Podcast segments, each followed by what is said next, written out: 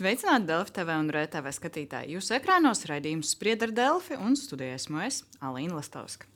Situācija frontē Ukrainā ir sarežģīta, taču Ukraina padoties negrasās. Ambiciozu plānu realizēšanai armijai gan nepieciešams atbilstošs atbalsts un arī ieroči. Kāds ir noskaņojums frontē un vai Ukrainas atbalstītāju spars Latvijai joprojām ir noturīgs? Par to mēs šodien runāsim raidījumā ar Twitter konvoju veidotāju Reini Pozņaku. Sveicināti! Sveiki!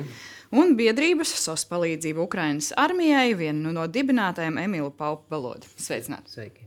Nu, sāksim laikam par to aktuālo situāciju Ukrainā. Jūs esat saziņā noteikti, un ko jūs varat pateikt par to, kāds tur ir tā situācija un noskaņojums Pozņakungs? Nu, situācija tur ir smaga, protams.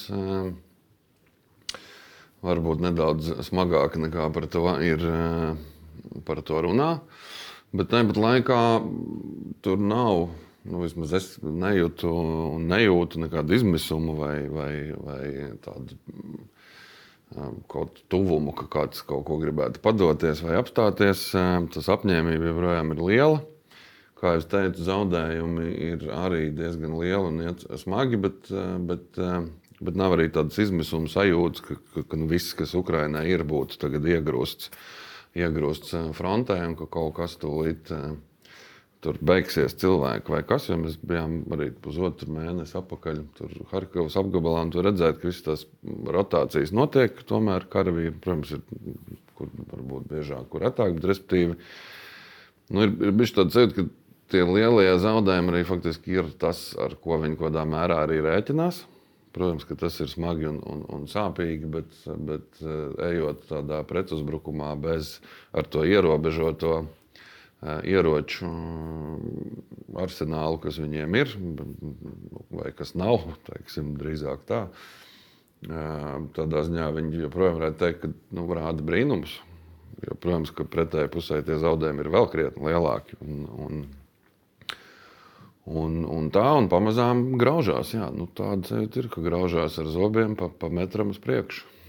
Pa metram uz priekšu un situācija sarežģīta. Tas ir arī tas, ko jūs dzirdat no cilvēkiem, kuriem jūs to atbalstu sniedzat. Mm, jā, protams, tas pēdējos mēnešos, teiksim, kaut kādas cerības, kas bija liktas uz tā sauktā pretuzbrukuma. Nu, tiem, tiem, kas varbūt pārzina militārās lietas, ir skaidrs, ka bez, bez artērijas, ne bez aviācijas pārākuma, bez tāldarbības ieročiem, kas nebija pirms mēnešiem vēl plaši pieejami. Nu, cik nu plaši, neviens īsti nezina, cik viņi tur ir.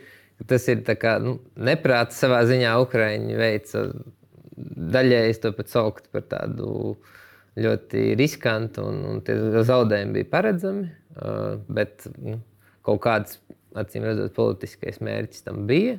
Šobrīd visdrīzāk tādas masveida, masveida turpinājumi nebūs. Un, nu, ir, protams, tie karstākie apgabali, kur, kur notiek sīvas cīņas, tāpat Jadvīvka. Tāpat laikā Ukraiņas pusē ļoti uh, interesants, bet lēns progress ir uh, dienvidu pusē, tātad uh, Ņepras uh, kreisajā krastā. Uh, tā kā Cita, vienā galā teiksim, ļoti smagi, citā galā ir kaut kāds progress. Bet, nu, domāt, ka tur nebūs kaut kādi zaudējumi, tas ir kā rozā brilles, bišķiņi. Un, un, un, cik es zinu, kaut kādi pat cipari ir izskanējuši, lai gan tas, tas Ukraiņas puses zaudējumi parasti netiek plaši tiražēti. Bet nu, pēdējā laikā es esmu dzirdējis, kā, bet, nu, kā jau Reinis teica, teiksim, Krievijas pusē tie ir ievērojami lielāki pēc, pēc visiem avotiem, Ukraiņas, ārvalstu izlūkdienas un tā tālāk. Bet, nu, nenoliedzami situācija ir šobrīd vēl smaga. Visdrīzāk uz ziemu viņi nomierināsies, bet tad sāksies uh, cita problēma, kas bija pagājušā ziemā. Tātad uh, civilās infrastruktūras un vispār valsts infrastruktūras iznīcināšana. Jo patiesībā varbūt uh, ko, ko neviens īsti nezina, ir, ir cik Krievija ir spējusi uzkrāt uh, savus šahedus vai geraņus vai, uh, vai spārnotās raķetes. Nu, neviens īsti nezina, cik tad viņi ir. Un iespējams, ziemā cerams, ka nē, bet iespējams, ir gaidām tiešām masveida uzbrukumi. Tāpat laikā ir krietni arī stiprināta pretgaisa aizsardzība. Kā... Jā, nu, tā, tas, tas, kas nebija pagājušajā gadā, bet, bet droši vien tas, kas. Nu, arī man bija ļoti liels cerības uz to, to pretuzbrukumu, bet, bet tā lielākā cerība bija tā, ka, ka nu, Krievija vai Kremlis nu, viņi salūzīs un sabruks psiholoģiski. Nu, kā, un tad aizies, kā tas bija Harkivas apgabalā. Ka vienkārši izdosies ar, ar, ar lielu vērienu, teiksim, viņus kaut kā salauzt, nobiedēt, aizbiedēt. Bet, bet nu, diemžēl arī viņi mācās no savām kļūdām, tā, un, un to laiku ir izmantojuši nu, no viņu viedokļa liederīgi. Un arī tas ir, ko Ukrāņi saka, pret ko viņi ir atdūrušies, ka nu, ir tā pirmā aizsardzības līnija, kam viss bija ļoti gatavi, nu, ka viņi būs ļoti spēcīga. Un tad, kad pārgrauzās pāri viņai, tad izrādījās, ka tālāk viņas ir nemazāk spēcīgas. Nu, respektīvi, mums bija pieņemts no kara sākuma domāt, ka otrā pusē ir pilnīgi zābaki. Teiksim, bet tā nebūtu arī nav. nu, arī viņi kaut ko mācās un, un uzlabo savā darbībā. Bet, ja mēs runājam par tādu nu, jūs teicāt, ka cerējām, ka pretuzbrukumā nu, Krievija salūzīs. Tas nav noticis, bet kas varētu būt tas, nu, ja mēs raugamies uz nākotni, tas lūzuma punkts? Joprojām lielāks atbalsts Ukrainai, tas ir vienīgais, kas varētu nu, tā radikāli teiksim, mainīt šo notikumu gaitu. Mūsu līmeņa atbalsts, es domāju, daudz eh, nespēlēs tādā strateģiskā mērogā. Mūsu, mūsu atbalsts visdrīzāk ir tāds ļoti liels morāls komponents. Bet, nu, uh, teiksim, par katru dronu, ko aizvedam, par katru naktas redzamības kameru. Tāpat tur ir sajūsmā, jo tās ir ļoti vajadzīgas lietas. Bet strateģiskā līmenī, es domāju, tas, tas ir, ja, ja būs pieejama masveida aviācijas izmantošana, iespēja izmantot aviāciju un lielos apjomos tālās darbības raķetes. Tā tas noteikti var pamainīt strateģisko līmeni, bet šobrīd šī brīža situācijā tā, tas, tā stagnācija visdrīzāk plus mīnus saglabāsies. Tā, nu, tā sajūta ir gan mums, gan arī ar Ukrāņiem, runājot īstenībā arī ar, ar rietumu cilvēkiem, ka, ka tas atbalsts tiek sniegts tieši tik, lai tā situācija būtu kā, tāda, kā viņa ir. Un, ja, un, ja, protams, sākumā nu, tas izraisa zināmu sašutumu. Nu, kā, nu, respektīvi, lai Ukrāņi noturētos, nevis, jā, bet, nevis uzvarētu. Tiek dot tik, lai nesagrautu Krieviju īsā laika brīdī. Un, un tajā, protams, ir zināma loģika, tāpēc, ka viss baidās par to, kas tur iekšēnē notiks. Un, uh, Nu, Nosacīt, arī Krievija ir jānobriedina tam, ka viņi zaudēs. Nu, respektīvi, lai nebūtu kaut kādas histēriskas atombumbu lidināšanas uz visām pusēm. Nu, tāda tā sajūta ir. Un gribās cerēt, ka rietumi arī strādā, teiksim, iegulda pūles Krievijas kaut kādos iekšējos procesos, lai, lai man tāds ir, ka, ka tur būs nobriedusi situācija, um, lai rietumi justos daudz maz droši. Uh, kas ar Krieviju notiks pēc tam, tad jau būs lidmašīnas, raķetes un viss, cik vajag, lai tur dažā īsā brīdī teiksim, atrisinātu to visu. Respektīvi, tas, uz ko liekam, tiek gaidīts, nu, jums rodas tāda sajūta uz tādu vairāk arī politisku kaut kādu situāciju. Jā, tādu... nu, tāpēc, ka tās rietumu bažas ir Nu, protams, saprotams, ka ir milzīga, milzīga kodolvalsts, un, un, um, un, protams, ka ir milzīgi riski, kas ar viņu notiks. Ja viņi pēkšņi militāri kaujas, laikā, kaujas laukā, tur trīs dienu laikā iznīcina armiju. Nu, tur uh, visādi brīnumi var notikt. No tā, protams, ka viss baidās. Tāpēc, ko jau arī tur tagad jau rietumu politiķi neslēpj. Bieži vien nu, jābūt uzmanīgiem ar to, cik strauji to Krieviju uzvaru. Un, un tā tas arī šobrīd izskatās. Nu, kad, kad vajag, jo viss, ko nevar dot, ar laiku tiek iedots.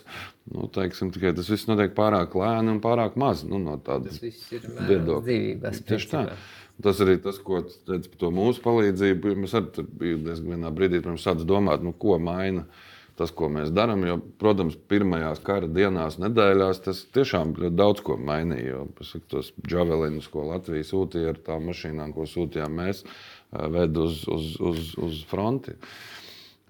Šobrīd, protams, strateģiski mūsu palīdzība nemaina neko. Nu, Bet tas, mēs, ko mēs darām, mēs faktiski mēģinām maksimāli samazināt cenu, ko Ukraiņi par to maksā. Nu, respektīvi, mūsu palīdzība reāli nu, kaut kādas dzīvības tur glābi un samazina to. Bet ar visu šito, šo situāciju jūs sakat, tā morāli joprojām ir ļoti augsta gan Ukraiņas armijā, gan sabiedrībā kopumā. Nu, kas jūsuprāt palīdz to noturēt? Nacionālās īpatnības. nu, nu, viņi tādi vienkārši ir. Nu, viņi ir ļoti, ļoti, ļoti lepni par savu zemi. Gatavi mirt, nevelti viņi arī ir bijuši vēsturiski partizānēšanas čempioni. Nu, tāda ir tā viņu pašapziņa, tautas un, un, un nācijas. Un viņi, tāpēc arī uh, nu, kad runā par to, ka politiķi par kaut ko varētu vienoties, tas vienmēr ir forši, ka politiķi par kaut ko vienojās. Bet, ja Ukrāņu cilvēki to nepieņems, tur būs grūti politiķiem kaut ko vienoties. Paldies Dievam, Ukrāņas politiķi to saprot. Nu, viņi... viens, viens ir noteikti nacionālā pašapziņa, bet es pat teiktu, nav jau citu variantu. Nu, teiksim, otrs variants ir vienkārši iznīcība. Nē, nē, nu, otrs variants ir pieņemt, ka nu, dzīvosim Krievijas nu, tas... sastāvdaļā. Neko, Austrum nu. reģionos, teiksim, iznīcina. Varbūt pārējā Ukrainā tur vēl, vēl tā, tā Mēs sākam runāt arī par starptautisko palīdzību un uh, pēc notikumiem Izrēlā un arī uzbrukumiem Gazas joslā. Pēc tam nu, bija jautājums par to, vai atbalsts Ukrainai nesamazināsies, ņemot vērā nu, arī ASV lomu šajā. Kā jums šķiet, ar visiem notikumiem tuvajos austrumos, tās uzmanības fokus ir mainījies, vai tas neko daudz neietekmē? Mūs, mūsu kontekstā praktiski nē. Nu, kaut kādu globālo sabiedrības uzmanību tas varbūt piesaista, bet uh, teiksim, atbalsta līmenis saglabājās. Mm, Latvijā varbūt tas, tas nav tik aktuāla tēma. Varbūt arī nu, Ukraiņa teiksim, ir ģeopolitiski tuvāk mums. Tas, tas noteikti, ir faktors, bet tā nav jūtams kaut kāds noplakums vai, vai uzmanības novēršana. Un, un arī tas pašs ASV amatpersonas jau ir tādā globālā līmenī pateikšu, ka mēs, mums ir spējas gan, gan aizstāvēt Izraēlu, gan Ukraiņu, gan jebkuru sabiedroto citu. Nu, tā, tā politiskā vēlme tur arī saglabājās. Tas zināmā mērā pierāda, nepierāda, bet spēlē par labu tai tēzē, ka Ukraiņu atbalsta nu, matemātiski. Nevis dod visu, visu, ko var iedot, bet tieši lai rezultāts būtu tāds, kāds viņš ir šobrīd. Nu, tas nozīmē, ka, ka nav šobrīd tāda izšķiršanās, kam mēs tagad dosim Ukraiņai vai, vai Izraēlai, jo mēs dodam visu, kas mums ir. Nocīm redzot, ka rietumiem, sevišķi Amerikai, protams, tās rezerves ir, ir, ir pietiekamas, lai, lai varētu palīdzēt gan tur, gan tur. Nu, Nu jā, ASV to arī teikuši ir publiski, bet man liekas, nu, lasot ziņas tāds, uh, par sankcijām runājot, ASV Tirzniecības sekretāra vietnieks ir teicis, ka ASV sankcijas pret Krieviju devušās ievērojumu ietekmi kaujas laukā. Jūs varat piekrist šim apgalvojumam, ka sankcijas tiešām ļoti būtiski šo situāciju ir ietekmējušas. Nu, ņemot vērā, ka tomēr Tur parādās eh, no Krievijas puses eh, teiksim, tehnika no motoru muzejiem. Nu, droši vien ka kaut kādu spēju atjaunot eh, to bruņojumu. Iespējams, ka tas ir ietekmējis. Grūti pateikt, kā būtu, ja to sankciju nebūtu, ņemot vērā to korupcijas un, un nolaistības līmeni, kāds vispār bija Krievijā šajā šajā industrijā, bet nu, droši vien tas tomēr ir ietekmējis. Varbūt, ka būtu nevis 100 raķetes, bet 200 raķetes teiksim, naktī lidotu, ja tā sankcija nebūtu. Bet, bet tas ir tāds, nu, es nezinu, kā būtu, ja būtu. Nu, varbūt. Tādu Jā. ievērojamu ietekmi varam tu, manīt un redzēt, vai. Tā jau tā īstenībā bez, bez tādas vīzijas par to, kāda ir vispār kopumā tā kara rūpniecība Krievijā ir grūti pateikt, bet uh, ir zināms, ka vēl joprojām tiek atrasti uh, kaujas dažādi ieroči, raķetes, uh, tanki ar, ar piegādātām detaļām no rietumu uzņēmumiem pēc 2022. gada. Nu, sankcijas ir. Viņas, protams, kaut ko dod, bet tāpat laikā tāpat atrodas veidi, kā šie komponenti nonāk tajos ieročos. Nu, tad ir jautājums, uh, ko varētu drīzāk darīt, lai, lai viņi tiešām tur nebūtu un tad to resursu izsmelt. Lai arī sankcijas tiktu nu, tā ļoti rūpīgi nu, ievērotas un pildītas. Bet, ja mēs runājam par karu Ukrajinā, mēs runājam gan par sagurumu no ziņām par karu, nu, sabiedrībā kopumā, gan tādu attieksmi daudz citādāk. Attiecībā uz atbalstu, ko sniedz Latvijā iedzīvotāju atbalstu, vai jūs arī novērojat tādu zināmu sagurumu varbūt, vai tas atbalsts ir tikpat nu, liels, kāds bija sākumā? Mums, mums noteikti ir izveidojusies teiksim, diezgan uh, liela pastāvīga atbalstītāja bāze, jo mēs jau no 14. gada strādājam. Cilvēki, zinām, cilvēku grupu, kas mums zina un kas regulāri ziedo. Kā, nu, šiem cilvēkiem teiksim, nekas īpašs neietekmē, tur pagrums vai kas. Dažreiz pat redzēt, ka cilvēkam ir uzlikts kaut kāds automātiskais maksājums. Piemēram. Uh, bet nu, tāds, tāds lielā, lielos apjomos, protams, vislielākais pīķis bija pagājušā gada marts, aprīlis. Un, un, un tad tas ir nostabilizējies. Bet tā, ir, es pat teiktu, ka šobrīd ir tāds pacēlums kombinācijā gan ar to, ka varbūt mēs uzlabojam komunikāciju, sociālajos tīklos, gan arī mēs piesaistījuši vairākus nu, lielākus ziedotājus, kas ir tādi tiksim, turīgi, turīgi individi vai uzņēmumi. Bet nu, pārsvarā mums tā bāze ir cilvēki, kas tur ziedo nelielas summas, bet regulāri un, un diezgan liela. Un tad, tad atbalstītāja lokus ir diezgan plašs, jūs teiktu. Nu, jā, jā, noteikti. Tas, bet visu komunikāciju caur sociālajiem mēdījiem, tas, kur, kur uzzina par mūsu darb, darbību, jā, piestrādājam, arī mēģinām ar vien vairāk uz kaut kādu korporatīvo uh, ziedotāju piesaisti vai, vai turīgāku individu. Tā, ka, nu, tā kad ir kaut kāds dramatisks kritums, noteikti nē. Šobrīd pat liekas, ir tāds nedaudz kāpums uh, aktivitātē. Un kādi ir jūsu novērojumi? Mūsu novērojumi ir, ir nu, gan līdzīgi, gan nē. Nu, mēs neesam no 14. gada. Mums grūti, grūti spriest. Mēs tāds nu, jā, pēkšņs, pēkšņs negadījums, teiksim tā. Protams, ka salīdzinot pagājušo gadu, tur ir nu, nezinu, divām trešdaļām apmēram sarucis. Tas, ja mēs runājam tieši par naudu, varbūt pat bišķi vairāk, bet, bet joprojām milzīgs atbalsts ir tieši mašīnas ziedo. Joprojām, man liekas, tā ir iegājusies tāda tāda tradīcija, ka maina mašīnas, un es viņu tur mēģinu notirgot. Nu, viņš var atļauties, bet, bet sūta uz Ukrajinu. Joprojām milzīgs atbalsts eh, brīvprātīgajos, kas grib viņus nu, eh, braukt ar viņām uz Ukrajinu. Joprojām jā, katru, katru nedēļu tas notiek. Tā kā tādā ziņā tas atbalsts man joprojām nu, pārsteidz, ka viņš tik ilgi, ilgi iet. Protams, šobrīd mēs nevaram atļauties beig iepirkties neko. Nu, kā tas bija sākumā, kad iedod naudu, tur, tur Ukraiņiem vajag to nopērkt, aizsūtīt. Šobrīd mēs operējam ar to, kas ir. Nu, vai tas, tās mašīnas, ko cilvēks ziedo, vai arī dzērāja mašīnas, kuras, diemžēl, ir ļoti daudz un apdraud mūs pašus. Bet, um, Un tad nu, līdzekļi ir attiecīgi tik, cik lai viņas daudz maz savest kārtībā, saliet degvielu nesūtīt, bet, bet ar to pietiek, lai tas ritenis turpinātu griezties. Mhm.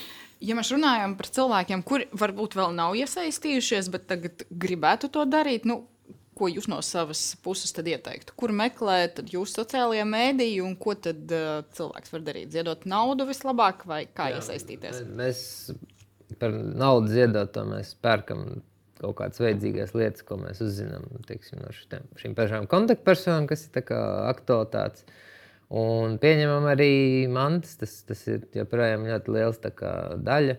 Cilvēki atrod visdažādākos instrumentus, ģeneratorus, kaut kādu ekipējumu, varbūt bieži vien bijušie karavīri ziedo. Nu, tas, tas riepas arī piemēram, ir aktuāls. Tad, mēs viņus saņemam, ja pietiek vieta, arī tās aizvedam. Jo tas, protams, iet arī uz urā pa, pa ceļa apstākļiem, kādi tur ir. Tā kā gan naudiski, gan, gan mantiski var, bet nu, mēs palīdzam ekskluzīvi kara, karaspēka vienībām vai, vai kādiem kara hospitāļiem. Tas ir medicīnas lietas un tas, kas ir vajadzīgs frontē. Uh, atrast uh, sociālajā mēdī, esam Twitterī, jeb X un, un Facebook. Uh, tur ir uh, lielākā kā, aktivitāte, citur varbūt netik ļoti. un, un SOS palīdzību Ukraiņas armijai. Atradīsiet meklētāju jebkur. Jūs pieminējat tās mantas, nu, kas ir varbūt pašlaik tas vajadzīgākais, ja kāds cilvēks gribētu paskatīties, vai viņš var kādu mantas nodot nu, jums? Ka, karavīra individuālais ekipējums, ja tas ir atbilstošs nu, teiksim, kara apstākļiem, kādi zābaki, šobrīd tīpaši ūdens izturīgie siltie, biez, biezās formas medicīna, nu, taktiskā medicīna tieši. Nu, tās, tās manas, protams, kuras reti, kuram atrodas izņemot uh, bijušajām militāru personām. Uh, bet no tādām vairāk sadzīves ir dažādi elektroinstrumenti, rokas instrumenti, arī uh, automehānikas instrumenti, starp citu, diezgan aktuāli. Uh, ģeneratori, nu, šobrīd, protams, enerģijas risinājumi. Nu, tādas vairāk. Nu, teiksim, tā gatavoties ziemas jā, sezonai jā, jā, arī. Generatori, akumulātori, nu, kā enerģijas uzkrāšanas risinājumi. Nu, tāda pagājušā gada aktualitāte arī vēl joprojām saglabāja tās ierakums vecis, ko jau interesējas cilvēki. Arī grib izgatavot, nosūtīt. Un, un tas arī, teiksim, tāda sadzīve uzlabojoša lieta ierakumos. Un ar jums, eh, jūs teicāt, sarūka tad, uh, naudas ziedojumu, tad cilvēki joprojām var ziedot arī naudu, bet var arī joprojām automašīnas Jā. un iesaistīties un arī palīdzēt pārvest tās automašīnas. Jā, tieši tā. Nekas baigi jau nav mainījies no, no pirmās dienas. Nu. Nauda, protams, ir, ir tas, ar ko tev ir visvieglāk, visvieglāk operēt, bet mēs tādā ziņā jā, mēģinām diezgan šauri, eh, šauri specializēties tieši uz tām mašīnām. Pirmkārt, tas ir vieglāk. Un arī otrkārt, eh, tur arī decembrī būs jauna kārtība Ukrajinā, robežu šķērsošanas 1. decembrī, kas nu, jau vairāk un dažādas lietas tu mēģini darīt, jo, jo grūtāk uh, tas kļūst, un tu mazāk vari izdarīt to, uz ko tu pamatā esi koncentrējies. Mēs nemēģinām izglābt visu pasauli un vest visu. Bet, bet to, ar ko mēs sākām, to, kur mēs labi saprotam, un, un to arī, uz to arī koncentrējamies. Un arī, arī jūs vislabāk atrast uh, turpat nu, Twitterī, Twitterī vai Facebookā. Agendum biedrība saucās, jā, tā kā sociālos tīklos var atrast. Var atrast un piedalīties. Par iepriekš arī, nu, piemēram, pirms gada mēs runājām šeit pat studijā, jūs pieminējāt vairākas provokācijas, kas arī bija vērstas, piemēram, pret automašīnām. Tagad tā situācija ir mainījusies, nekas tāds vairs nenotiek. Nu, nē, tas, nu, Diana, tas man ir viena no joprojām mīklām. nu, ļoti maz tādas. Nu, es neesmu saņēmis praktiski neko. Vien, vienreiz zvanīja viens pikts dzērāja šoferis, laikam bija ģimene ieraudzījis Twitterī bildi ar, ar mašīnu un sapratusi, ka, ka viņi ir aizgājuši tur, kur aizgājuši. Bet visādi citādi nekādas, nekādas tādas dižas Nu, tik cik sākumā tur pāris ziņas kaut kādas saņēma, tik arī vairāk nekas nav tāds bijis. Tā kā, jā, labi, ka tā. Jūs arī sakat, no sabiedrības nekādas tādas. Ne... Valsts drošības dienests tomēr strādā. Dara, tā kā viss ok. Jūs vairāk kārt pieminējāt dzērāju šoferu mašīnas, jā, un tad tiešām tā ir tāda liela daļa, kas tagad Nu, viņa ir šobrīd no tām, ko mēs sūtām. Nav, varbūt, nav, nu, jā, mazāk, laikam, pusi. Mēs no, ir arī sabiedrībā mīts, ka visas dzērāja mašīnas tiek sūtītas uz Ukrajinu, un ka viņas vispār ņem nost tikai tāpēc, lai sūtītu uz Ukrajinu, kas pilnīgi nav taisnība. Viņas ņem nost jau sen. Vienkārši viņa bija tik daudz, ka tā kā, nu, gandrīz nezināja, kur likt. Un, uh, un viena daļa, nu, šobrīd mēs, nu, man liekas, pat mazāk kā trešdaļa no vispār tām mašīnām ņemam. Tā MSD, ka pirmkārt arī tas maksā naudu, viņas, viņas savest kārtībā un, un aizsūtīt. Bet nu, tā ir jā, diezgan, diezgan būtiska, būtiska daļa. No. Diezgan daudz. Uh, vēl, ja mēs runājam, ir arī citas noteikti biedrības, kas sniedz pabalstu, atbalstu Ukraiņai, var meklēt un droši iesaistīties visi, kas vēlās. Šonadēļ uh, mēs esam arī Latvijas svētku priekšvakarā, un tāpēc es gribu parunāt ne tikai par Ukrajinu, bet arī par mums. Pie mums studijā oktobra beigās ir viesojies aizsardzības ministrs Andris Sprūts, un es gribētu noklausīties vienu viņa citātu, ko pēc tam mēs apspriedīsim. Kritiskās infrastruktūras jautājumi, nelegālās migrācijas, turpina, turpinošs spiediens uz robežu, nu tas tika kārtībā reizi parāda to, ka trauksmēnie laiki ir šobrīd, un viņiem jābūt gataviem. Mēs nevaram precīzi paredzēt, kāda būs teiksim, tā attīstības scenārija tuvākajā vai tālākajā nākotnē. Diezgan bieži teiksim, mēs gatavojamies, protams, krīzēm. Mēs esam daudz vairāk sagatavoti krīzēm, kas ir, teiksim, kurām, kuras mēs esam redzējuši un kurām mēs varam sagatavoties. Jau attīstīt zinām lietu mehāniku, bet daudz sarežģītāk, protams, ir gatavoties Eh, jebkam, kas var notikt, bet tajā pašā laikā ir jābūt gatavības kultūrai, jābūt ar mehānismiem, jābūt faktiski, kā es vienmēr saku, aizņemam šveicis pulkstenim, šajā gadījumā latviešu pulkstenim, kurš arī ir gatavs uh, reaģēt. Gatavības kultūrai ir jābūt šveicis vai latviešu pulkstenim. Tas ir gaumas laikam jautājums. Nu, Kā mēs runājam par Latviju? Nu, cik mēs esam gatavi izaicinājumiem un krīzēm jūs ieskatām? Nu, man šķiet, ka mēs esam eh, krietni gatavo, gatavāki eh, PowerPoint līmenī. Pilnīgi noteikti. Nu, ir daudz, arī es esmu dažas redzējis prezentācijas, kā tik, nu, viss, ir, ir ļoti gatavs dzīvē. Man liekas, mēs esam apmēram vai tuvu tam, kur mēs bijām. Um, un, uh, man šķiet, ka laiku jau arī sākam zaudēt. Vienīgais, nu, kas man ir tāda indikācija, bija, ka nu, kaut kas reāli varbūt mainās arī dzīvē, ir eh, prezidenta iniciatīva par, par pielaižu uh, prasīšanu pašvaldību vadītājiem. Kas, nu, vismaz priekš manis ir indikācija, ka, ka pašvaldības ir plānotas iesaistīt daudz būtiskāk valsts aizsardzībā, kas, manuprāt, ir absolūti pareizi. Uh, jo no pašvaldību teiksim, darba reakcijas, sevišķi pirmajās stundās un dienās, ļoti daudz kas būs atkarīgs. Ukraiņa, Helsinas apgabala, piemēram, atdeva eh, tieši tāpēc, ka nu, atdeva vietējā pašvaldība faktiski. Un, un tas priekš manis ir indikācija, ka, acīm redzot, kaut kas tajā aizsardzības eh, plānošanā reālajā mainās un kaut kādas mācības ir gūtas. Uh, Tā kā droši vien jau es ceru, ka es vienkārši nezinu visu, kas, kas nu, ir mainījies. Tie slepenie plāni netiek mums stāstīti, bet gatavība ir. Kāds ir jūsu vērtējums par to, cik mēs esam gatavi izaicinājumiem? Nu, var apskatīties teiksim, rob, Krievijas un Baltkrievijas robežu stāvokli. Tā ir viena indikācija. Teiksim, ir divi gadi gandrīz jau pagājuši. Jautājums, kas tur ir, kas nav. Tas, tas ir viens, kā, uz ko ap, apskatīt. Un šeit arī minēja tajā, tajā intervijā, ka nevaram paredzēt. Un, un aizsardzības nozarē nevajadzētu būt tādam jēdzienam, kā nevar paredzēt. Ir, ir varbūtības un ir laika sprīži. Un, teiksim, ārvalstu uh, eksperti, ja nemaldos, tas pats bija iespējams izlūkdienas. Nu, ir prognozējuši, ka teiksim, piecu gadu ietvaros pēc, pēc Ukraiņas kaut kādas kampaņas noslēguma vai iesaldēšanās, uh, piecu gadu laikā Krievija spēja atjaunot nu, praktiski šīs militārās spējas, īstenot vēl vienu uzbrukumu.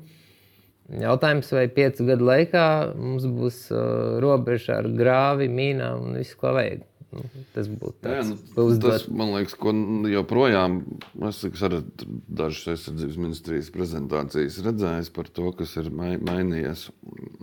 Un joprojām, manuprāt, ir tāda jā, izpratne. Nu, nav, viņās joprojām netiek iekļauta vai paredzēta vai gatavota kaut kādas civilās sabiedrības teiksim, dalība, aktīva un iesaista. Jo Ukrainā karš bija no 14. gada. Visi zināja, ka viņš tūlīt būs. Pat kaut kā gatavojās tajā 22. Un vienalga, faktiski viņiem izdevās nostāvēt tikai tāpēc, ka civilā sabiedrība iesaistījās tādā mērā, kā iesaistījās. Citi, ja, ja būtu tikai armija, tad eh, būtu trīs dienās tā Kieva būtu teiksim, kritusi nu, lielā mērā. Un, un, eh, jā, bet mums kaut kā joprojām, nu, kad ir ne, nu, tie civilē, jūs tur kaut kā paši tiksiet galā vai sēdēt mājās, mēs izdarīsim. Nu, vienlaikus zemesardze gan laikam bija lielāka daudz atsaucība, obli, valsts aizsardzības dienests arī. Nu, tas ir būtisks devums jūsu ieskatā situācijas uzlabošanai. Noteikti, bet tas, tas tāds sabiedrības noskaņojuma var būt rezultāts, nevis Jā, aktīvas politikas virzības. Rezultāts. Manuprāt, ir, ir daudz lietas, kur daudz vairāk varētu. Mums ir ļoti daudz mednieku ar ieročiem, piemēram, ja, kuri, es saprotu, nepārāk tiek laipni gaidīti integrācijā valsts aizsardzībā, kas, manuprāt, ir, ir, ir nu, tā lieka. Nu. Tā kā Respektīvi, vēl ir ko darīt. Nu, mums ir joprojām jā, tā, tā valsts aizsardzības tas koncepts, ir, ka nu, viņam ir jābūt eh, visiem ir jābūt profesionāļiem, kas grib valsts aizstāvēt. Nu, kas, manuprāt, ne līdz galam tā ir. Vēl viens tāds ļoti aktuāls temats pēc nu, tā plaša mēroga iebrukuma Ukrajinā bija civilās aizsardzības jautājumi un arī infrastruktūra un par to, cik mēs daudz zinām par to, kā rīkoties. Nu, ir pagājis diezgan ilgs laiks šeit. Nu, tāds jūsu ieskats ir nu, labāka izpratne un labāka situācija. Nu, Visi ir bijuši vairākas reizes izlasījuši par 72 stundu somu. Droši vien nu, un ar to arī viss, manuprāt, beidzās.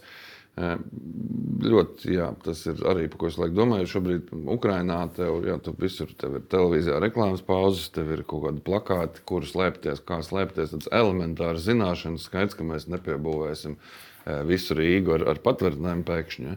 Bet, bet katrā ēkā ir drošāka un mazāk droša vieta.